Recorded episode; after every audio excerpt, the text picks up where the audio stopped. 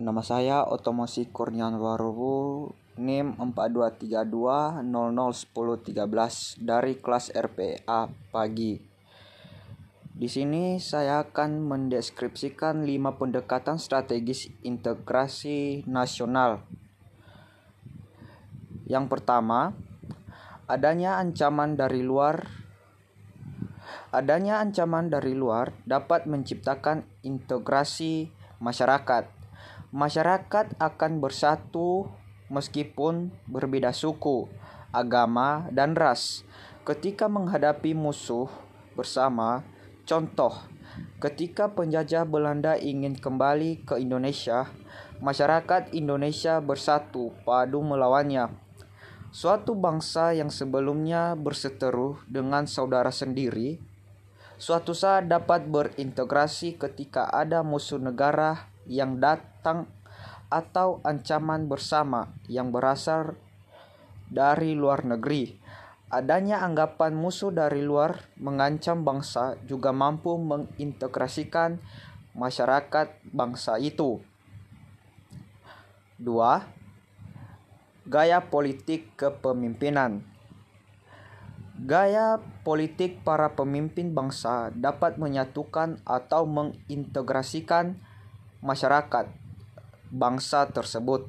Pemimpin yang karismatik, dicintai rakyatnya, dan memiliki jasa-jasa besar, umumnya mampu menyatukan bangsanya yang sebelumnya tercerai-berai, misalnya, misalnya Nelson Mandela dari Afrika Selatan. Gaya politik sebuah kepemimpinan bisa dipakai untuk mengembangkan integrasi bangsa. Ketiga, kekuatan lembaga-lembaga politik. Lembaga politik, misalnya birokrasi, juga dapat menjadi sarana pemersatu masyarakat. Bangsa, birokrasi yang satu dan padu dapat menciptakan sistem pelayanan yang sama, baik dan diterima oleh masyarakat yang beragam. Pada akhirnya, masyarakat bersatu dalam satu sistem pelayanan. Keempat, ideologi nasional.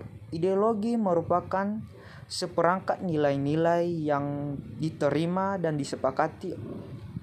Ideologi juga memberikan visi dan beberapa panduan bagaimana cara menuju visi atau tujuan itu. Jika suatu masyarakat, meskipun berbeda-beda, tetapi menerima satu ideologi yang sama, maka memungkinkan masyarakat tersebut bersatu. Bangsa bagi bangsa Indonesia, nilai bersama yang bisa mempersatukan masyarakat Indonesia adalah Pancasila. Pancasila merupakan nilai sosial bersama yang bisa diterima oleh seluruh masyarakat Indonesia. Nilai-nilai bersama tidak harus berlaku secara nasional. Di beberapa daerah di Indonesia, terdapat nilai-nilai bersama. Dengan nilai itu, kelompok-kelompok masyarakat di daerah itu bersedia bersatu.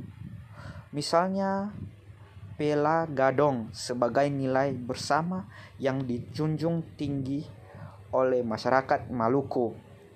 Kelima, kesempatan pembangunan ekonomi.